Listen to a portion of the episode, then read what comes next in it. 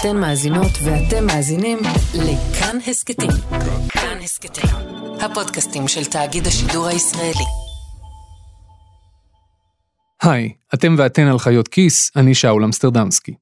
הפרק שאתם עומדים לשמוע הוא חלק מסדרה. סדרה בת שלושה חלקים, ששירה קדרי עובדיה מעיתון הארץ ואני עבדנו עליה בחודשים שקדמו למלחמה. זו הייתה אמורה להיות טרילוגיה, אבל הספקנו לכתוב ולהקליט רק שני פרקים. ואז פרצה המלחמה. בשבועות הראשונים זה הרגיש לא מתאים, ממש על גבול התלוש, לשדר פרקים של חיות כיס ובהם גם את הפרקים האלה. אבל ככל שהמלחמה מתקדמת והופכת מלהיות אירוע ביטחוני בלבד לאירוע שהוא גם כלכלי וחברתי ופוליטי, השיח על הנושאים האזרחיים צף בחזרה לסדר היום. ובתוך זה גם הוויכוח על הכספים הקואליציוניים והתוספות למערכת החינוך החרדית. ובסדרה הזאת אנחנו מתעסקים בדיוק בזה, בלאן הולכים הכספים האלה ולמה אנחנו נאבקים עליהם כל כך חזק. אז, התלבטנו, והחלטנו שלמרות שעוד לא השלמנו את הפרק השלישי בטרילוגיה, הגיע הזמן להעלות את שני הפרקים הראשונים של הסדרה, כן, כבר עכשיו. שנייה לפני שהפרק מתחיל, זכרו, כל מה שאתם עומדים לשמוע נכתב והוקלט במציאות אחרת לחלוטין, לפני 7 באוקטובר. אף אחד מאיתנו לא ידע שמשהו כזה עומד להתרחש. אוקיי, בואו ניקח נשימה. הנה אנחנו מתחילים. האזנה נעימה. היי, אתם ואתן על חיות כיס, אני שאול אמסטרדמסקי. ואני שירה קדרי עובדיה, כתבת החינוך של הארץ. והיום, שאול, אני רוצה להכיר לך את איציק לנדו. כשהוא היה בכיתה א', איציק למד בתלמוד תורה של חסידות גור. שלום, אני איציק לנדו. הייתי קטן, אבל uh, עדיין אני זוכר שכל מה שלמדנו זה היה uh, חומש ותורה ורק מקצועות קודש. ואז, אחרי שנתיים, איציק עבר לבית ספר חדש. אני בן 11 וחצי ולומד בכיתה ו' בתלמוד תורה בית רבן. גם בית רבן הוא תלמוד תורה, אבל קצת אחר. בית רבן הוא ממ"ח, בית ספר ממלכתי חרדי. וזה אומר שהיום איציק עדיין לומד משנה, גמרא והלכה, מקצועות קודש, כמו כל ילד חרדי, אבל גם כמה דברים אחרים. מקצועות שאני אוהב במיוחד, אני אוהבת אה, שיעור בעבודה. במהלך השנה בונים רובוט. גם אחות של איציק, ריקי, לומדת בבית ספר כזה. אני ריקי לנדו, בת תשע וחצי, ואני לומדת בבית ספר בנות ירושלים בכיתה ד'. אני... אני מאוד אוהבת חשבון, גם כי אנחנו יותר משתמשות במחשבים והכל. אימא של איציק וריקי, שירי, היא מתכנתת בחברת ההייטק מובילאיי. ואבא של איציק וריקי הוא חסיד גור, שמקדיש את זמנו ללימוד תורה. חיפשתי מקום שבו אני יכולה למצוא להם גם מצד אחד לימודי קודש ברמה גבוהה, וגם מצד שני לימודי חול ברמה הכי גבוהה שאפשר, בלי שאחד יבוא על חשבון השני. ככה, איציק הגיע לתלמוד תורה בית רבן. כשהם היו קטנים כבר שמעתי שיש מין זרם חדש שנקרא ממלכתי חרדי, שבא לענות בדיוק על הצורך הזה. היה לי ממש טבעי שהם הולכים משם, כי זה בדיוק השילוב שאני חיפשתי. זה בדיוק השילוב שמאפיין את החיים שלהם. אם זה היה סיפור פשוט, היינו מתחילים ומסיימים אותו כאן. אבא חסיד גור, אמא מתכנתת, ושני ילדים חמודים ונבונים, שמצליחים לשלב בין קודש לחול, בין גמרא לרובוטיקה. הפי אנד. אבל הסיפור הזה הוא הכל חוץ מפשוט. הוא לא פשוט בכלל. במשפחה המורחבת של שירי, למשל, לא ממש אהבו את הבחירה שלה לשלוח את הילדים לבית הספר הזה. אני למדתי בסמינר גור, אה, בבתי ספר חסידיים, אני באה מרקע של חסידות גור. הפער הזה שנוצר בתוך המשפחה הוא, הוא קשה, אנחנו מנסים כל הזמן לסגור אותו. משמרים בכוח ממש את מה שאפשר, אבל מבחינתי המחיר הגדול שאני משלמת על הבחירות האלה הם בתוך המשפחה בעיקר. יש עוד מחירים שמשלמים מי שמנסים לשלוח את הילדים שלהם לחינוך ממלכתי חרדי. אני חיים, אני בן 31, אה, גר בקריית אתא, שני ילדים, בן ובת, ועובד בצ'ק פוינט בתור אה, ראש צוות פיתוח. לאה, נשואה לחיים, יש לנו ילד שעולה לכיתה ג' וילדה בגן, ואני עובדת במרכז.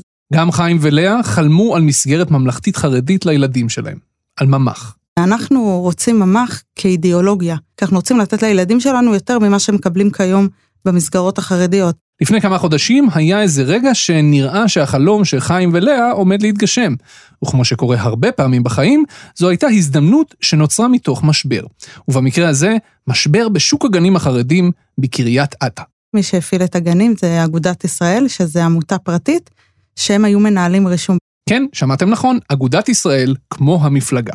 ואחרי הרבה שנים שבהן הגנים של אגודת ישראל פנו לכל האוכלוסייה החרדית המגוונת שיש בקריית אתא, השנה הדברים התחילו להשתנות. נוצרה איזה שמועה בסוף ינואר, והם הולכים לעשות סינון. זאת אומרת שזה הרישום יהיה מותנה בתקנון ובעמידת הורים בכל מיני דרישות. ואנחנו לא מעוניינים אה, לעבור את הסלקציה הזאת של, אה, של אם אנחנו כן טובים או לא טובים, אה, ואנחנו דואגים לבת שלנו. אז לאה וחיים החליטו להרים את הכפפה ולהקים גן ממלכתי חרדי ראשון בקריית אתא. ובהתחלה זה הלך ממש טוב. זה היה פשוט איזה מוצאי שבת כזה שהחלטנו בוא נריץ אה, קובץ דוקס הכי פשוט להורים, נהיה הכי שקופים, נספר שאנחנו רוצים אה, ממ"ח, רוצים אה, גנים מפוקחים מטעם העירייה, ואם יהיה לנו כך וכך נרשמים מכל שכבת גיל, אנחנו זכאים לפי החוק לפתוח גן. לא נתנו לזה הרבה תקווה. שלחנו את הקובץ הזה, אני חושבת, ביום ראשון בשבע בבוקר, עד שבע בערב היה לנו 45 נרשמים, שזאת כמות מטורפת. והיה כאילו תקווה מאוד גדולה, ופתחנו קבוצת וואטסאפ לכל ההורים, והפכנו את זה לרשמי. אבל אז, בנקודה הזאת, דברים התחילו להסתבך. תוך כדי מישהו מבפנים סידר לנו פגישה ביום שלישי בערב עם ראש העיר, זה ככה היה בחווה. בתשע בערב הוא קיבל רק, שרק אני אגיע, בלי אף אחד, שזה יהיה ככה בשושו. ו- ואז היינו כבר עם אה, 80 חתימות הורים. היה לנו כבר שני גנים לטרום טרום חובה, כאילו זה היה בטוח שפותחים, היינו מעל התקן, היינו עם 41 ילדים לטרום טרום חובה. כאילו, זה גן אה, לפי כל הדעות, וראש העיר קיבל אותי והוא כל כך התלהב, הוא אמר איזה יופי, הלוואי שיהיו כמוך עוד הרבה נשים בעיר, נשים אקדמאיות שרוצות שינוי, אני רוצה אנשים כמוכם, בטח, אני אפתח לכם מה שהחוק מחייב, מה צריך, אני קובע עם משרד החינוך, והוא אפילו התקשר למזכירה שלו, ועשה את כל השואו. אבל כשלאה שאלה את ראש העיר אם היא יכולה להפיץ הודעה להורים, כדי שידעו שהקמת הגן מתקדמת, משהו בטון של ראש העיר התחיל להשתנות. אז הוא, הוא אמר, כן, אבל אני, תביני, לי יש אילוצים. פה אני הבנתי ש, שיש פה איזה זגזוג על חשבוננו. אז השבוע בחיות כיס, הקרב על הליבה, החלק השני בסדרה שלנו, והפעם, המחנה הממלכתי. על האופציה האחרת, הממ"ח, שהוא חינוך חרדי אבל ממלכתי. אופציה שנולדה לפני עשור והייתה אמורה להפוך לזרם חינוך שיסחוף רבים, אבל בפועל היא זרזיף דק שאחוז קטן מהילדים החרדים לומדים בו. כמה קטן? בקושי חמישה אחוז. עם השנים הביקוש לממ"ח אולי גדל, אבל הממסד החרדי הפוליטי ממשיך להתנגד לו נחרצות. לפעמים הוא ממש מסכל ניסיונות להקים מוסדות חדשים, כי כל מוסד חדש כזה מחליש עוד קצת את השליטה הכמעט מוחלטת שיש היום למפלגות החרדיות על בתי הספר בחברה החרדית. מה שמעלה את השאלה, האם השינוי יכול להגיע בדרכים אחרות? כשאנחנו אומרים החינוך החרדי, אנחנו בעצם משתמשים בשם קוד. שם קוד למערכת חינוך שמורכבת ממוסדות שונים, משיטות לימוד שונות ואופני הפעלה שונים. סיפרנו על השונות הזאת בפרק הראשון של הסדרה, שאנחנו מקווים ששמעתם לפני שהגעתם לפרק הזה. בפאזל הזה פועלות אין ספור עמותות פרטיות שמפעילות אלפי גני ילדים, תלמודי תורה, סמינרים לבנות וישיבות לבנים. יש מוסדות לחסידים, לליטאים, לספרדים, לחרדים מודרניים ולעוד המון זרמים ותת-זרמים. ולפני עשור בערך נוספה חתיכה נוספת לפאזל הכל כך מסובך הזה, הממ"ח. בבתי ספר של הממ"ח ילדים מגיעים לבית ספר, יש תפילה בבוקר, כמו כל בבית ספר אה, חרדי, יש את השעות במערכת שהם לומדים את הלימודי קודש. לצד זה, הם לומדים חשבון, אנגלית, מדעים, בהתאם לגיל, היסטוריה, כמו כל אה, ילד אחר במערכת החינוך הממלכתית. הם לומדים גם וגם. לומדים גם את מה שהם צריכים מבחינת הלימודי קודש, וגם לומדים את המקצועות הכלליים. זו טלי פרקש. אני עיתונאית, הרבה שנים, בוויינט, כיום אני גם אה, דוקטורנטית, וגם הכובע השלישי שלי אה, זה שאני מנהלת שותפה באגודת ידידי הממ"ח, שמשמש כעמותה מלווה של מסגרות הממלכתי חרדי בישראל היום. טלי לא הקימה את עמותת ידידי הממ"ח במקרה. כשבאתי לראיין אותה לפני חצי שנה, היא עוד גרה בעיר החרדית אלעד. אימא לשלושה ילדים, שבסך הכל רצתה לשלוח את הבן הקטן שלה לממ"ח. אבל אז גילתה שהיא לא יכולה. שבעיר שלה אין אפשרות כזו, ושהורים שרוצים שתהיה, צריכים להיאבק על כך. את זרם החינוך הממלכתי-חרדי הקימה ממשלת נתניהו-לפיד. זה היה בשנת 2013 ושר החינוך היה אז שי פירון. וממש בשלהי הקדנציה הקצרה של הממשלה ההיא, פירון הודיע על הקמת זרם חינוך חדש. הזרם הממלכתי-חרדי. להודעה החגיגית הזאת קדמה הרבה עבודת שטח של הורים ואנשי חינוך, אחד מהם הוא בניהו טבילה. בניהו הוא איש חינוך וחוקר חרדי, ובמשך עשור הוא עבד במשרד החינוך כאחראי על החינוך העל-יסודי החרדי. הרעיון להקים זרם חינוך חדש נולד אצלו מתוך החיים עצמם. המחנך של הבן שלי חינך כיתה בתלמוד תורה רפפורט בירושלים, זה תלמוד תורה חרדי מודרני שהיה כבר אז. יום אחד הוא החליט שהוא רוצה לעזוב, אמרתי לו בוא נעשה דבר חדש, בוא נקים חינוך, קראנו לזה אז ציבורי חרדי. זאת אומרת המטרה הייתה כמובן ללמד לימודי ליבה מלאים, אבל לא פחות חשוב מזה, שהחינוך יהיה ציבורי, שיקבלו את כולם, כי יש לנו בעיה קשה של אפליה לפעמים. זה הדבר השני, והדבר השלישי שהמורים ירוויחו שכר הוגן, בלי כל מיני עניינים של עמותות באמצע. אלה היו שלושת הדברים. ואז באמת, אה, בתוך הפקידות של המשרד, אני הייתי חדש, אמרו, אין כזה דבר, לא היה, מה פתאום, חרדים זה רק בעמותות. אבל באמת, אה, דלית אמרה, בוא ננסה. דלית היא דלית שטאובר, שהייתה אז מנכ"לית משרד החינוך. תכתבו נייר על זה, וכתבנו נייר, שאומר שכדאי אה, לבחון את זה, ולראות איך עושים את זה, ו... ולהתחיל לפתח אה, תוכניות מתאימות, ולראות איך, אה, אה, איזה מורים יכולים, כי בחינוך רשמי יש דרישות ממורים שלא תמיד מורים חרדים עומדים בהם, ואז אנשים התחילו לשמוע שיש דבר חדש שנולד, והתקבצו, התאספו 16 בתי ספר. הזרם החל לפעול בשנת הלימודים שלאחר מכן, 2014. בהתחלה, מי שהצטרפו אליו היו בתי ספר קיימים שנחשבו מוכר שאינו רשמי. כלומר, לא תוקצבו באופן מלא ולא חויבו בלימודי ליבה מלאים. בהצטרפות שלהם לזרם החדש, הם הפכו להיות בתי ספר מוכרים ורשמיים, ממלכתיים, חרדים. אני חושב בזמנו, אצל קהילת ההורים שייסדה את זה, והמחנכים שהצטרפו בהתחלה, גם לא כאיזושהי הפנמה של ביקורת של החברה הכללית שאומרת, בואו, אתם צריכים להתחיל ללמד. אלא באמת, כהבנה שזה לא סותר, זה הולך יחד אפילו, אולי זו אפילו הדרישה של התורה. ובחוץ לארץ עושים את זה, ובקהילות רבות. במזרח למשל, בבגדד, הבן איש חי. בן איש חי זה חכם שחי בבגדד, במאה ה-19, והוא עומד ואומר בהקמה של אה, תלמוד תורה שם בבגדד, אתם צריכים ללמד אותם חשבון, הם צריכים לדעת חשבון, הם צריכים לדעת גיאוגרפיה.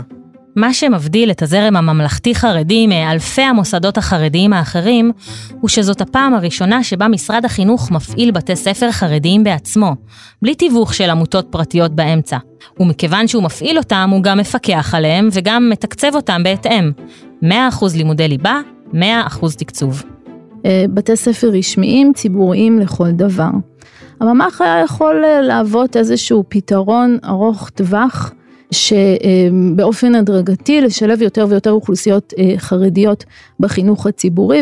זו פרופסור לוטם פרי חזן מהחוג למדיניות חינוך באוניברסיטת חיפה. היא חוקרת את הממ"ח מאז שהוקם, ובמחקרים שלה היא מראה שממ"ח זה לא רק לימודי ליבה.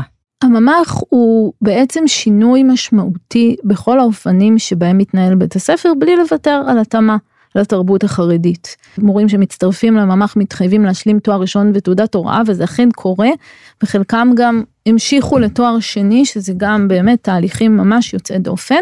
כלומר, בגלל שהממ"ח, כשמו כן הוא, בית ספר ממלכתי, המורים שעובדים בו מחויבים לעמוד באותן דרישות מקצועיות של יתר המורים בחינוך הממלכתי. למשל, להשלים תואר אקדמי ולעבור השתלמויות. וזה אומר גם שבבתי הספר האלה יש כל מה שיש בבית ספר ממלכתי רגיל. דברים שאולי נראים לנו מובנים מאליהם, אבל בחינוך החרדי הם לא ממש קיימים. אה, פתאום יש יועצת בבית ספר, פסיכולוגית בבית ספר, כלומר כל התחום החברתי רגשי עובר שינוי משמעותי. וכל הדברים האלה יוצרים אלטרנטיבה שלא הייתה קיימת עד היום עבור הורים. האלטרנטיבה שמציע הממ"ח היא לא רק לימודי ליבה. זה קודם כל מערכת שרואה אותו בתור ילד, שרואה את הכישורים שלו, שרואה גם את החולשות שלו, שרואה מה שהוא צריך, גם ברמה הלימודית וגם ברמה הרגשית. זה ילדים שהם לא רק מקבלים את כל הכלים האלה, הם גם חיים באיזושהי אווירה מסוימת של ישראליות. אז עם כל היתרונות התקציביים והפדגוגיים, איך זה שגם היום, עשר שנים אחרי שהוקם, פחות מחמישה אחוז מהילדים החרדים בגיל יסודי לומדים בבתי הספר האלה.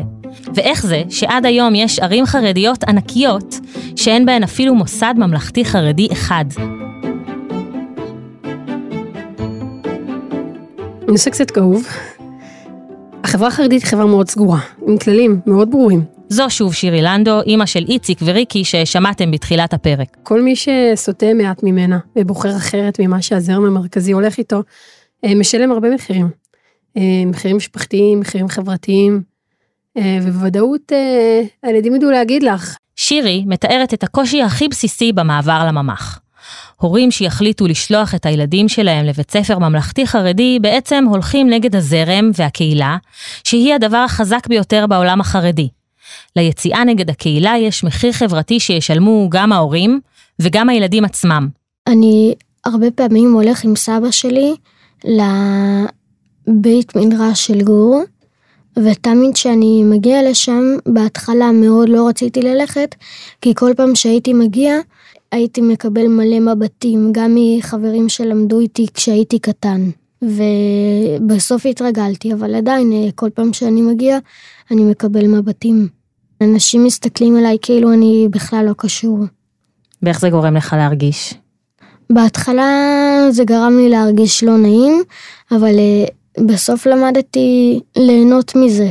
ובחלק מהמקרים, המחיר על הבחירה בממ"ח הוא הרבה יותר מלא נעים. לפעמים זה ממש קרע. אה, אני שלחתי את הילדים שלי לממ"ח הראשון שנפתח, גירשו אותי מהבית כנסת, איימו עליי, עשו הרבה מאוד דברים בשביל שאני אצא את הילדים שלי משם. זה אלי מורגנשטרן, רכז החינוך במשרד האוצר וחרדי בעצמו, פגשנו אותו כבר בפרק הראשון. אלי סיפר לנו בגוף ראשון על מה שקרה לו ולמשפחה שלו כשהם העבירו את הילדים שלהם ללמוד בממ"ח. אה, יש התנגדות מאוד חזקה למערכת הזו, ובשביל הורה לשלוח את הילדים שלו לשם הוא צריך לקבל החלטה מאוד מורכבת. אם יש לו יותר מילד אחד, בדרך כלל זה, זה המצב, הוא כנראה ישלם מחיר מבחינת אי קבלה של ילדים שלו למוסדות אחרים, אה, ואיזה מין הצהרה חברתית. בהתחלה זה היה ממש קשה, זה היה ממש קיצוני. למרות הקשיים, למרות הגינויים או המבטים מצד הקהילה, למרות האי נעימות מול המשפחה המורחבת, עוד ועוד הורים חרדים מעוניינים לעבור לממ"ח. הם מוכנים לשלם את כל המחירים האלה תמורת מה שהם תופסים, בתור מתן אפשרות לעתיד טוב יותר לילדים שלהם. זה אמנם קורה לאט, אבל זה קורה. וזה קורה בכל החלקים של החברה החרדית. גם בכאלה שבהתחלה זו לא הייתה אופציה עבורם. עובדה, הממ"ח גדל, גם אם לא בקצב שקיוו לו. היום יש בערך 230 גנים ויותר מ-70 בתי ספר שמשתייכים לממ"ח. אני אגיד שהוא כמובן לא התחיל מהמיינסטרים, הוא התחיל מכל מיני קבוצות שוליים, זה נכון, אמ, אבל אני כן רואה שלאורך הזמן, אמ, יותר ויותר משפחות שהן כן מהמיינסטרים מצטרפות. אם שואלים את טלי פרקש, למרות המחיר החברתי והקהילתי, הסיבה שאין ממ"ח בכל עיר עם אוכלוסייה חרדית בישראל לא נמצאת בצד הביקוש. כלומר, היא לא בגלל שאין מספיק הורים שרוצים. ברור שיש כאלה שלא ישלחו כי מה יגידו. הנושא בכלל של מה יגידו בחברה החרדית הוא נורא נורא חזק. יש פיקוח קהילתי מאוד מאוד הדוק, יש סנקציות חברתיות כלפי כל מי שעושה משהו שהוא לא הבון-טון המקובל. כן יש מצד שני כל הזמן הרחבה של אה, מרחב הלגיטימציה. זה, זה הסוד הגדול של, של הדבר הזה. והורים שמתחילים להבין מה המערכת הזאת נותנת להם, הם באים ומבקשים את הדברים האלה לבד. כי מה שקורה זה שברגע שהורה נחשף למה הדבר הזה נותן, והוא מבין שזה אופרה אחרת בכל מה שקשור לחינוך, מה שקורה זה שמי שחוסם אותם, זה בעצם מדינת ישראל. רגע, איך זה יכול להיות? לפני רגע אמרנו שמי שהקים את הממ"ח זו מדינת ישראל בעצמה. איך זה שאותה מדינה שהקימה את הממ"ח, היא גם זו שחוסמת אותו? נכון, המדינה הקימה, אבל כמו הרבה החלטות גורליות אחרות במדינת ישראל, קודם יצאו לדרך, מתוך כוונה לסגור את הפרטים תוך כדי תנועה, ואז בישראל כמו בישראל, אז הממשלה נפלה. והזרם הזה בעצם לא עוגן מבחינה חוקית כמו הזרמים האחרים. וזה עד היום מאפשר הרבה מאוד uh, מהבעיות שלו, וחוסר יכולת להתפתח. זרם הממ"ח הוקם בחלון הזמן הקצר שבו לא הייתה אף מפלגה חרדית בקואליציה, בממשלת נתניהו-לפיד. אבל זו הייתה קדנציה קצרה מאוד, והממשלה לא הספיקה לעגן את הממ"ח בחוק חינוך ממלכתי. וכך קרה שזרם החינוך הממלכתי-חרדי נשאר קצת באוויר. קיים ומתוקצב, אבל בלי מעמד חוקי, לא פה ולא שם. המשמעות המעשית של כל זה היא שהורים שרוצים ממ"ח לילדים שלהם, תלויים ברצון הטוב של ראש הרשות המקומית שבה הם גרים. כי בלעדיהם, להורים יהיה מאוד קשה להשיג מבנה ותקציבים וכל מה שנדרש בשביל להקים בית ספר חדש בישראל, מה שמטיל עוד אחריות על ההורים החרדים ומעלה עוד יותר את המחיר שהם צריכים לשלם.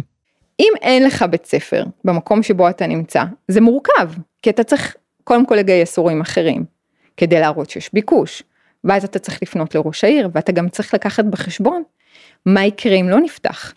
אם לא נפתח והלכת לראש העיר ועשית את כל התהליך הזה, אתה שורף את הילדים שלך במסגרות חינוך חרדיות אחרות. וזה מחיר מאוד מאוד קשה, שהרבה הורים יחששו אה, לעשות את זה. יש ערים עם ריכוזים חרדיים גדולים מאוד, כמו בית שמש וירושלים, שבהן לאורך השנים נפתחו כמה וכמה ממ"חים. במקומות אחרים, כמו פתח תקווה למשל, זה קרה רק אחרי מאבק של שנים ארוכות. ויש ערים חרדיות גדולות, כמו בני ברק או מודיעין עילית או ביתר עילית, שבהן ההתנגדות כל כך עזה, שאין בהן אפילו ממ"ח אחד. וכדי להבין את עוצמת ההתנגדות, תשמעו מה היה לחבר הכנסת, יושב ראש ועדת הכספים, משה גפני, לומר על הממ"ח בשנת 2020. יכול לבוא אחד כזה, ולבוא לאספת בחירות, ולהגיד אני אדאג לממ"ח. הוא יכול לדאוג עד מחר לממ"ח, אני לא אתן. עם כל הכבוד, איזה מין שטויות אלה. עכשיו, אני יכול ללכת לראש הממשלה ולהגיד לו, אם, אם פותחים ממ"ח, אין לך קואליציה. לפני קצת יותר מחצי שנה, ממש רגע לפני סוף הכהונה של שרת החינוך הקודמת, יפעת שאשא ביטון, משרד החינוך עשה עוד צעד לכיוון הסדרת הממ"ח. הוא פרסם חוזר מנכ"ל שקובע שלרשויות מקומיות יש אחריות לפתוח בית ספר ממ"ח אם יש הורים שמעוניינים בזה. בשביל אנשים כמו טלי והורים חרדים נוספים, הפרסום הזה נתן תקווה שהנה, סוף סוף אנחנו בכיוון הנכון. גם אני, כמי שמסקרת את התחום באופן שוטף, חשבתי שזה מה שיעלה את הממ"ח על דרך המלך. אני מריח אבל. שאול, אתה קורא אותי כמו ספר פתוח. זוכר את לאה מקריית אתא, שאספה 80 חתימות וחשבה שככה היא תשכנע את ראש העיר לפתוח גן ממלכתי חרדי? אז אחרי שראש העיר אמר לה שזה בעצם בעייתי, היא חזרה ללשכה שלו, והפעם היא הייתה מצוידת בחוזר מנכ"ל משרד החינוך. באתי עם החוזר מנכ"ל שמעגן את מה שאנחנו אומרים, דיברנו עם משרד החינוך, אנחנו רוצים מעבר. הוא אמר לי, בסדר, אבל תני לי לעשות את זה, אני לא יכול שגפני מחר יקום עליי ויגיד לי, למה אתה פותח לי ממ"ח? אמרתי לו, מה זאת אומרת? תגיד לגפני, ישבה פה אימא, עם 80 חתימות הורים, יש דרישה. מה, אני יכול לחנך 80 הורים? אז הוא אמר לי, את יודעת, זה לא עובד ככה. אמרתי לו, לא, אני מוכנה לדבר איתו. מה, מה, מי זה גפני? הוא לא גר פה, אנחנו רוצים משהו, מגיע לנו מה שאנחנו רוצים. מה, הוא הבעלים של כל החרדים? הסיפור של לאה וחיים הוא דוגמה למכשולים שהרשויות המקומיות מערימות על ההורים שמעוניינים לשלוח את הילדים שלהם לממ"ח. באופן רשמי, הרשות המקומית מחויבת לעזור להם. בפועל יש לא מעט ראשי רשויות שמתכופפים בפני הלחצים של הפוליטיקאים החרדים מהרמה הארצית. כך הפוליטיקאים החרדים מצליחים לסכל את הקמת בתי הספר האלה. וזה בדיוק הרגע לשאול את השאלה המאוד פשוטה, למה? איזה אינטרס יש לפוליטיקאים החרדים לעמוד מול הביקוש של ההורים, הורים חרדים, מתוך החברה החרדית, ולבלום אותו? האם זו רק אידיאולוגיה, החשש שהם כבר לא יישארו חרדים, או שיש כאן מניע נוסף? כל המפעל הזה, מישהו מתפרנס ממנו. חלק מהכסף מגיע ל- לילדים ולבית ספר, וחלק מהכסף מגיע למי שמנהל את העמותות. ומי שמנהל את העמותות מרוויח לא מעט כסף מהמפעל הזה שנקרא החינוך החרדי. והמאבק של אה, אוכלוסיות הולכות וגדלות מתוך הקהילה החרדית, המאבק לחזק את הממלכתי החרדי קשור בין היתר בנושא הזה, הם רוצים לצאת מהשליטה של העמותות. זאת שוב פרופסור לוטם פרי חזן מאוניברסיטת חיפה. מבחינתה, ההתנגדות לממ"ח אולי עטופה בטיעונים אידיאולוגיים, כמו התנגדות עקרונית ללימודי ליבה, אבל בסוף, בסוף זה פשוט מאבק על כסף ועל שליטה. טלי פרקש מסכימה איתה. אני חושבת שקודם כל זה עניין כלכלי. כלומר, יושב שר במשרד החינוך, שיש לו רשת חינוך, שהמדינה מעבירה לה מאות מיליונים כל שנה. זה הרבה מאוד כסף, זה הרבה מאוד ג'ובים, זה הרבה מאוד דברים. החינוך החרדי ממלכתי הוא בעצם נוגס ברשת, הוא נוגס ב... בילדים שלמעשה היו יכולים ללמוד אצלם ועכשיו הם לומדים במקום אחר. אז למה שהוא ירצה לקדם את זה באיזושהי צורה? משרד החינוך עצמו מסייע להקמת הממ"חים היכן שיש ביקוש ואין התנגדות של ראשי הערים. אבל במקום שבו יש התנגדות, הוא נמנע מלהתערב. פנינו כמה פעמים לשר חיים ביטון, שאחראי על החינוך החרדי במשרד החינוך, והצענו לו להתראיין לפודקאסט הזה, או לפחות לשלוח נציג רלוונטי מהמשרד, אבל נענינו בשלילה. אוקיי, אז תני לי לראות אם הבנתי נכון.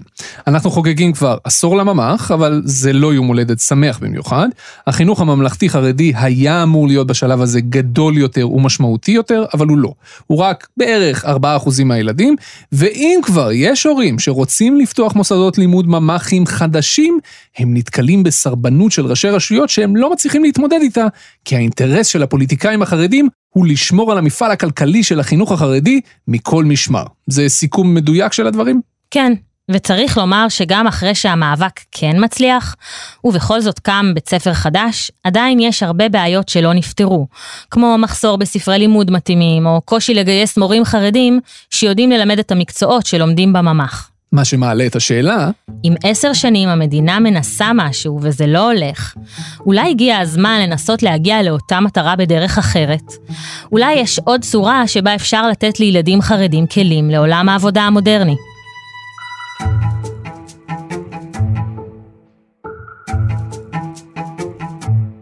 אני דוקטור נחומי יפה, אני חברת uh, סגל במחלקה למדיניות ציבורית באוניברסיטת תל אביב, וסגנית נשיא למחקר במכון נתוני אמת. אני בעצם חברת סגל החרדית הראשונה בתולדות של מדינת ישראל. במחקרים שלה, דוקטור יפה בודקת בין השאר עמדות בציבור החרדי, באמצעות המון סקרים ושאלונים. אחד הדברים שהיא החליטה לבדוק היה מה הורים חרדים באמת רוצים עבור הילדים שלהם. ובשביל לבדוק את זה, היא עשתה תרגיל קטן בשאלון של הסקר. דוקטור יפה שאלה את ההורים החרדים לא רק האם הם רוצים שהילדים שלהם ילמדו לימודי ליבה, אלא האם הם רוצים שהילדים שלהם ילמדו מתמטיקה ואנגלית, שזה בעצם אותו דבר בגדול. כשהיא ראתה את התוצאות, היא הבינה שזה לא רק עניין של מינוח, זה הרבה יותר עמוק מזה. אז אם אנחנו קוראים לזה מתמטיקה ואנגלית, אז יש לזה הסכמה מאוד גבוהה. אם אנחנו קוראים לזה ליבה, אז ההסכמה יורדת, מאוד דרמטי. אם אני קורא לזה בתי ספר מפוקחים, יש הסכמה מאוד גדולה. אם אני קורא לזה ממ"חים, שזה כאילו no no, ההסכמה יורדת. אז אתה רואה שבעצם מה שאנשים מחזיקים זה איזשהו נרטיב זהותי. הסקרים של מכון נתוני אמת מעידים על הביקוש הגבוה בחברה החרדית ללימוד מקצועות שיכולים להועיל בשוק העבודה. והם מראים שחלק מההתנגדות היא עניין של מיתוג, של מוסכמות חברתיות. אז אם אתם באים אליי עם איום זהותי, אני אתחפר מאחורי החומות, ואני אהיה מוכן להפסיד בקרב, כלומר, אני אהיה מוכן לוותר על דברים חשובים, בשביל הדבר היותר חשוב, שזה להחזיק את הזהות. ואם אתם מזיזים החוצה את האיום הזהותי, ומדברים על הדבר עצמו, אז I'm in for the game. אז תגידי, למה באמת להמשיך להתעקש לקרוא לזה לימודי ליבה? ולמה להתעקש שזה יהיה במסגרת הממ"ח? כלומר, אני לגמרי מסכים עם הטיעון שממ"ח הוא הרבה יותר מרק לימודי ליבה. זה להעלות את כל הסטנדרטים, בשביל שזה יהיה בית ספר אמיתי, עוד שירותים, אני מבין את זה. אבל צריך להתחיל איפשהו. אז למה לא לרדת ענף אחד בעץ, ופשוט לקרוא לזה לימודי מתמטיקה ואנגלית? וזהו. הביקוש גבוה, אולי הפוליטיקאים החרדים לא יוכלו לעמוד בפניו אם יקראו לזה ככה. אז זה בדיוק מה שניסו לעשות במשרדי החינוך והאוצר ממש לאחרונה. לפני שהתחילה שנת הלימודים הקודמת, הם הכריזו על מסלול חדש, מסלול עוקף ממ"ח. הם קראו לזה מתווה תקצוב על פי הישגים, או בשמו הנפוץ יותר, מתווה בלז. על שם החסידות שמולה גובשה התוכנית הזאת. אנחנו רואים את מערכת החינוך כמערכת שמטרתה להכין אנשים לעולם העבודה. זה שוב אלי מורגנשטרן ממשרד האוצר, וכמו שאמרנו, חרדי בעצמו. הוא בין מי שהגו ועיצבו את המתווה הזה יחד עם שותפים ממשרדי החינוך והאוצר. ובמסגרת הזו אנחנו מוכנים לוותר על הסיפור של אזרחות או על היסטוריה, דברים אחרים שגם אנחנו חושבים שהם חשובים, אנחנו לא הולכים אה, להיאבק עליהם. בנינו תוכנית שאומרת, בית ספר שלא מחויב ללמוד ליבה מלאה. אנחנו נוסיף תקציב מאוד גדול עבור כל תלמיד, שהתקצוב יהיה אך ורק לפי תוצאות. אנחנו לא נכנסים לשאלה מי מלמד, איך הוא מלמד, אם הוא עשה את זה עם מורים כאלה או מורים אחרים, הוא עשה את זה בכלל בשעות הפנאי. המדד היחיד הוא מבחן בסוף שנה, יודע אנגלית בסוף שנה, מקבל, לא יודע אנגלית בסוף שנה, לא מקבל. המתווה הזה היה אמור להיות הפיצוח המושלם עבור מי שלא מעוניין או לא מצליח ללכת לממ"ח. תוכנית שהיא עומדת גם בכללים שנאמרים הרבה מאוד בזירה הפוליטית, אל תכפו. אל תכפו, למה שהמדינה תכפה עלינו מה ללמוד? כל הרעיון של המתווה הזה, המדינה לא כופה על אף אחד כלום. היא אומרת, מי שרוצה, יבחר להצטרף לתוכנית, יבחר ללמוד, יוכל להיכנס ולהיבחן ולקבל תוספת תקציב. התמריץ התקציבי שמורגנשטרן והצוות שלו בנו עבור בתי הספר להצטרף למתווה הוא תמריץ אדיר. קחו למשל תלמוד תורה חסידי מצפת. זה בית ספר יסודי חרדי שהיום נחשב למוסד פטור, לומדים בו בערך 100 תלמידים. התקציב הממשלתי של בית הספר הזה הוא 400 אלף שקלים בשנה. זהו. לפי המודל הכלכלי של המתווה של מורגנשטרן, אם בית הספר יתחיל ללמד מתמטיקה ואנגלית את התלמידים שלו, ובסוף השנה מספיק שאפילו רק 30% מהתלמידים יעברו את המבחן, בית הספר מיד יקבל מהממשלה עוד 12 אלף שקלים לכל תלמיד כזה. זה אומר שמספיק ש-30 ילדים יעברו את המבחן, ובית הספר כמעט יכפיל את התקציב שלו. ואם 60 ילדים יעברו את המבחן, בית הספר יקבל בונוסים תקציביים נוספים. זה ממש מודל שבנוי לתמרץ מאוד את בתי הספר להיכנס למתווה הזה. המון המון כסף. רק שכמו כל החלקים האחרים בסיפור הזה, מה שנשמע פשוט הוא אף פעם לא באמת פשוט. בעיני חלק מחוקרי החברה החרדית, מתווה כזה יעשה יותר נזק מתועלת. מתווה בלץ, בצורה שבה הוא מנוהל, הוא מחליש את הממ"ח. כי מה אנחנו עושים בעצם בבלץ? בעצם מתווה בלץ לוקח עוד קבוצה מתוך המוכר שאינו רשמי אחר, ונותן לה את אותן הטבות שקיבלו הרשתות. כחינוך פרטי. בלי באמת הבטחה משמעותית שהם יהיו באותו קשר עם משרד החינוך שנמצא ממ"ח. לימודי ליבה זה לא עכשיו לפקח בדיוק כמה שעות אתם מלמדים ולבחון אתכם, אה, אלא זה באמת מערך הרבה הרבה יותר גדול וחשוב של התמקצעות. פרופסור פרי חזן בעצם אומרת, קודם כל, הממ"ח הוא גם ככה רעוע. בחלק מהמקומות ההורים פוחדים בכלל לשלוח את הילדים, ובמקומות אחרים, כמו שהיה בקריית אתא, עד שיש ביקוש, ראשי הרשויות המקומיות מעכבים ומונעים. אם תהיה לזה אלטרנטיבה, יהיו מעט מאוד הורים שירגישו שיש יתרון כלשהו לשלוח את הילדים שלהם לבתי ספר ממלכתיים חרדים, והמעט שיש מהממ"ח פשוט יקרוס לתוך עצמו. במקום לתת הזדמנות אמיתית לממ"ח, המדינה מיהרה מדי לסלול כביש עוקף, שבכלל לא ברור אם יש לו סיכוי להוביל אותנו ליעד של הכנה אמיתית לשוק העבודה. למרות התמריצים הכלכליים לבתי הספר, המתווה הזה עורר התנגדות עזה בקרב ההנהגה הפוליטית החרדית. סיפרנו לכם על זה קצת בחלק הראשון של הסדרה. הדבר הזה הביא כמעט לפיצול מפלגת יהדות התורה לשתי הרשימות שמרכיבות אותה ערב הבחירות הקודמות לכנסת. משבר פוליטי כזה לא ידע הציבור החרדי כבר הרבה שנים. איום הפיצול של מפלגת יהדות התורה מונח על השולחן. במרכז המחלוקת בין דגל התורה לאגודת ישראל היא התוכנית של חסידות בלז מהקהילות החסידיות הגדולות והמשפיעות בישראל, להצטרף לתוכנית לימודים מיוחדת של משרד החינוך, שכוללת לימודי ליבה. כמו הממ"ח, גם מתווה בלז גרם לפוליטיקאים החרדים להתנגדות עזה, כי הוא מאפשר לכמות גדולה של בתי ספר להתנתק מהתלות בעמותות וברשתות החרדיות, ולקבל תוספת תקציב מהמדינה באופן ישיר ועצמאי, ולזה, בדגל התורה הליטאית, לא היו מוכנים להסכים. ולכן ממש ברגע האחרון, לפני סגירת הרשימות לכנסת, נתניהו בעצמו התערב בכדי למנוע את הריצה המפוצלת, כי פחד מאחוז החסימה ומכך שלא יוכל להרכיב קואליציה. הוא הבטיח לחרדים תקצוב מלא למוסדות החינוך, בלי שום קשר ללימודי מתמטיקה ואנגלית, וכל התמריץ הכלכלי שהרכיבו במשרד האוצר פשוט איבד מהמשמעות שלו. זה לקח חודש, אבל היום אפשר לומר כמעט בוודאות ששתי הסיעות של יהדות התורה ירוצו שוב יחד בבחירות. מתקדמים, ישבו, לכל הצדדים זה חשוב. וכמובן היה מי שדחף לסיכומים ביניהן. ואני מאוד מאוד מקווה, אני גם מאמין, שחברינו במפלגות החרדיות, החרדיות, אני בטוח בזה, אה, ימצאו את הדרך אה, להתאחד, משום שהאיחוד נותן לנו הרבה כוח. הפתרון למחלוקת היה באמירה של נתניהו שיעזור לחרדים להעלות את התקצוב גם למוסדות שאינם מלמדים ליבה. במבחן התוצאה, תשעה בתי ספר בלבד, רק כמה מאות תלמידים, בחרו להצטרף למתווה בלז, חלקם בכלל לא בדיוק חרדים. וכרגע, מאחר שהשר הנוסף במשרד החינוך, איש ש"ס, חיים ביטון, די בולם אותו, בכלל לא ברור מה יקרה עם המתווה הזה בהמשך. אבל די ברור שהוא לא יימשך בצורתו הנוכחית. אז האם המתווה הזה נגנז לנצח?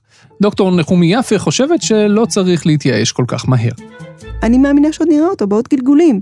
אז זה כאילו ניסיון ראשון, ואז יגיעו עוד, ובסוף ימצאו איזשהו אה, מודוס ויוונדי כזה של חיידרים שמלמדים תורה באינטנסיביות, והם מוגנים מהשפעת הרחוב החילוני, אבל אה, נותנים לילדים שלהם אפשרות ואפיק והזדמנות להשתלב ולבחור שהם יותר גדולים. לא לבחור במובן של להיות חופשיים, אלא לבחור במובן של להשתלב בתעסוקה.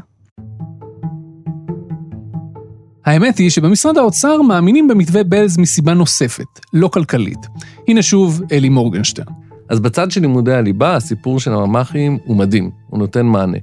החלק שקשה, שלי מאוד מאוד קשה איתו, זה שזה לא נותן מענה לסיפור של האפליה. לפי מורגנשטרן, הממ"ח לא פתר את אחת הבעיות העמוקות ביותר במערכת החינוך החרדית, פיצולים, מיון ואפליה. מצד אחד, המדינה מממנת את הממ"חים ב-100%, אבל מצד שני, היא מאפשרת לפתוח ממ"ח חסידי, וממ"ח ליטאי, וממ"ח שבכלל מדברים בו ביידיש, והיא מאפשרת למנהלים להחליט האם הילד מתאים או לא מתאים לתנאים המאוד ספציפיים האלה. התופעה הזאת של האפליה קיימת כבר בשאר החינוך החרדי. לא תמיד זה מדובר בצורה גלויה, אבל בפועל כל מי שמעורב בזה יודע שיש מוסדות שיש להם ממש מכסות של ספרדים ואשכנזים. בירושלים למשל, עד לשנים האחרונות, בכל שנה היו סיפורים על בנות ספרדיות שלא התקבלו לאף סמינר, כלומר בית ספר תיכון ברמה טובה, רק בגלל המוצא שלהן. ולפעמים הפרשות האלה גם מתגלגלות לתקשורת הכללית, כמו במקרה המפורסם של בית הספר היסודי בית יעקב בעמנואל, לפני עשור. הפרשה החלה בשנת 2007, כאשר בבית הספר החרדי לבנות בית יעקב בהתנחלות עמנואל, הוקמו מחיצות במטרה להפריד בין התלמידות האשכנזיות לספרדיות.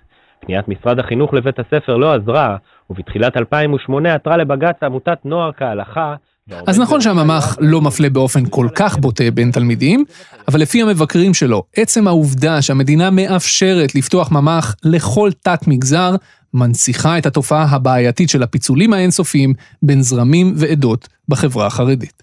אה, עצם העובדה שפותחים אה, מוסדות ממלכתיים שהם אה, לחסידים או לליטאים, זה בעיניי הסתירה הכי הכי עמוקה לרעיון של בית ספר ממלכתי. ואני מעדיף להשתמש דווקא במונח ציבורי. בתי ספר ציבוריים זה בתי ספר שאין בהם סינון.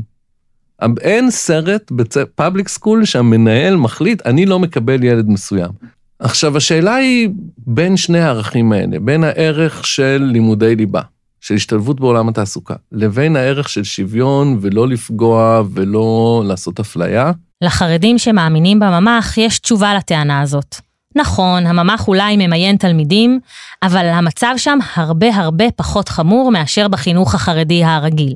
במשרד האוצר לא מוטרדים רק מהאפליה, שעדיין קיימת, גם אם יותר בשוליים. הם אומרים, תראו, לאורך השנים השקענו כל כך הרבה תקציבים בפתיחת מוסדות, גם אם במוסדות קטנים מאוד, שלא עומדים בתקן של מוסדות רגילים, והשקענו גם בהכשרות, בחינם, כולל מלגות, למורים חרדים, כדי שיוכלו ללמד את מקצועות הליבה.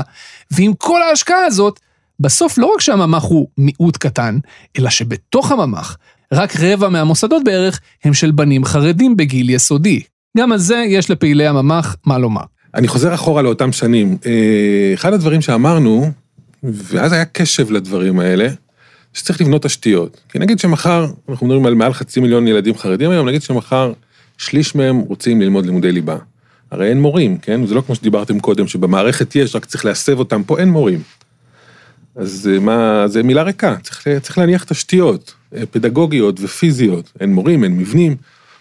עכשיו, לקחת אה, בחור חרדי ולהכשיר אותו להיות מורה לאנגלית, אתה צריך קודם ללמד אותו אנגלית, אז תהליכים מאוד ארוכים.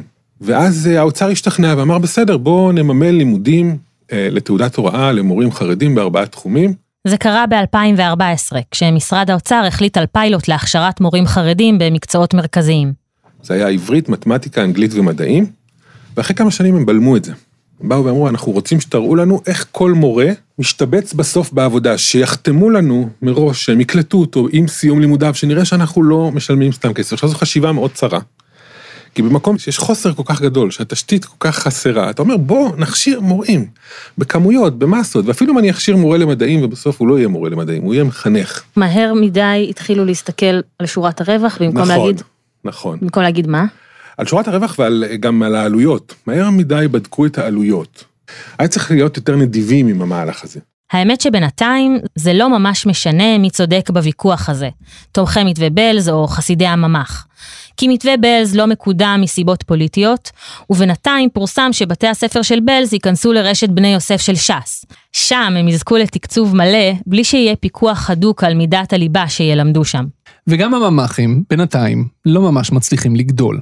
מי שנותרים מאחור הם הורים כמו לאה וחיים מקריית אתא, שפשוט לא רצו שהילדים שלהם יצטרכו לחוות את הדרך הקשה שהם נאלצו לעבור בדרך לאקדמיה ולעבודה מכניסה. ואני למדתי בתלמוד תורה חיידר, מה שנקרא, פטור בירושלים, ולא למדנו שם כאילו ABC, אני מתכוון, אפילו לא בכאילו, זאת אומרת, לא היה פשוט כלום. ואחר כך הולכים לישיבה קטנה, ישיבה גדולה, ובעצם מגיעים לחיים ועם ידיים קשורות מאחורה. וזה לא משהו שהייתי רוצה להעמיד את הילד שלי. רוב מוחלט של הבני אדם לא יכולים בגיל 25 עם שלושה ילדים, אה, לא יכולים להשלים אה, פער מחינוך שפשוט לא לומדים כלום, להתחרות מול מישהו שמגיע מחינוך של עולם ראשון. לסיפור של לאה וחיים אין סוף טוב. הפגישה שלהם עם נציגי משרד החינוך וראש העיר בוטלה, ומאז ראש העיר פשוט הפסיק לענות לטלפונים שלהם. גם לטלפונים שלנו, כשביקשנו תגובה לסיפור הזה, לשכת ראש העיר בחרה שלא לענות. בקיץ האחרון, לאה וחיים עברו דירה, לעיר אחרת, עיר שבה יש חינוך ממלכתי חרדי לילדים שלהם. לעקור את המשפחה ולעבור דירה לעיר אחרת, לקהילה אחרת, זה לא דבר קל לאף אחד, בפרט לא בחברה החרדית, היכן שהקהילה היא ממש אבן הפינה של היום-יום. זה לא משהו שכל החרדים מסוגלים לעשות, או מוכנים לעשות. גם טלי פרקש עברה דירה לא מזמן, מהעיר החרדית אלעד לפתח תקווה. הסיבה שאנחנו עוזבים את אלעד היא קודם כל כי אני רוצה ממלכתי חרדי לילד, זה כאילו, אני אומרת, מ-2013 אני בתהליך הזה, לפחות שהילד הקטן שלי יקבל את זה, יקבל את הדבר הזה שאני נלחמתי כל כך הרבה והשקעתי כל כך הרבה בשבילו. וגם כי אני מבינה שהדמוגרפיה פה בעיר הולכת למקום לא טוב, מבחינתי. זה, זה, זה, בעיניי זה קצת עצוב שהורה צריך לעבור דירה כדי שהילד שלו יקבל אה, מסגרת. אפשר היה לסיים את הפרק הזה כאן, במעבר הדירה של טלי, וברגע המריר שבו חיים ולאה הבינו שאין טעם יותר במאבקים, ופנו לחפש לילדים שלהם עתיד במקום אחר. ובכל זאת, האקטיביסטים החרדים, שפועלים מבפנים לשינוי החברה החרדית, הם מסרבים להרים ידיים. עכשיו, מה התקווה? למה בכל זאת אני קם בבוקר והולך לעבודה ומסתער על הדבר הזה עדיין, למרות שזה ככה? כי יש תקווה שיקרה משהו, שנגיע לאיזשהו tipping point שישנה את הדברים. עכשיו, איך נגיע? אחת הדרכים יכולה להיות דרך איזושהי תוכנית אב ממשלתית כזאת, שהיא, שהיא פתאום תפרוץ את הדבר הזה. כרגע, האינטרסים של האנשים שנהנים מהשליטה ומהכסף גוברים על הביקוש העז שקיים בתוך החברה החרדית. אבל כמו שבניהו אמר לנו, אולי יגיע הרגע שבו מדינת ישראל תבין שלימודי ליבה לחרדים, בממ"ח או בכל דרך אחרת, היא אינטרס עליון שלנו כחברה. בוא נוציא את זה מהמשחק הפוליטי, בוא נעשה איזושהי תוכנית אב לאומית, שאומרת שבעשור הקרוב אנחנו נבנה בתי ספר ממלכתיים חרדים גם במקום שהרשות המקומית לא הקצתה שטח ולא יזמה את התהליך, או אולי אפילו מתנגדת לו, כי אחרת אנחנו לא נפרוץ את זה. ואחרי שזה יקרה, יהיו כאן הרבה יותר ילדים שיוכלו להגשים כל מיני סוגים של חלומות. אני רוצה להיות כמו אימא ולעבוד במובילאיי, וכבר עכשיו מגיל צעיר אני התחלתי, גם כשהייתי ממש קטן, לפני שנתיים-שלוש, התחלתי כבר ללמוד תכנות. ואני חושב שאני אצליח לעבוד במובילאיי. אם אמא תעבוד שם ואני אהיה איתה, אז זה יהיה כיף לעבוד איתה. על החלומות של בוגרי מערכת החינוך החרדית, וגם על הקשיים שהם חווים כשהם מחליטים להשתלב בשוק העבודה ובחברה הישראלית, נספר בחלק השלישי של הקרב על הליבה. אתם האזנתם לסדרה שלנו, הקרב על הליבה מבית חיות כיס. עורך חיות כיס הוא תומר מיכלזון, המפיקה שלנו היא ליהי צדוק, עורכת הסאונד היא רחל רפאלי. תודה רבה לאיתמר קהה מאגודת ידידי הממ"ח, ולאיתי סופרין, שסייעו בהכנת הפרק הזה. במערכת חיות כיס תמצאו גם את צליל אברהם ואלונה מיצי. כל הפרקים שלנו זמינים בכל אפליקציות הפודקאסטים. תודה שאול אמסטרדמסקי. תודה רבה שירה קדרי עובדיה. ותודה רבה לכם שהאזנתם.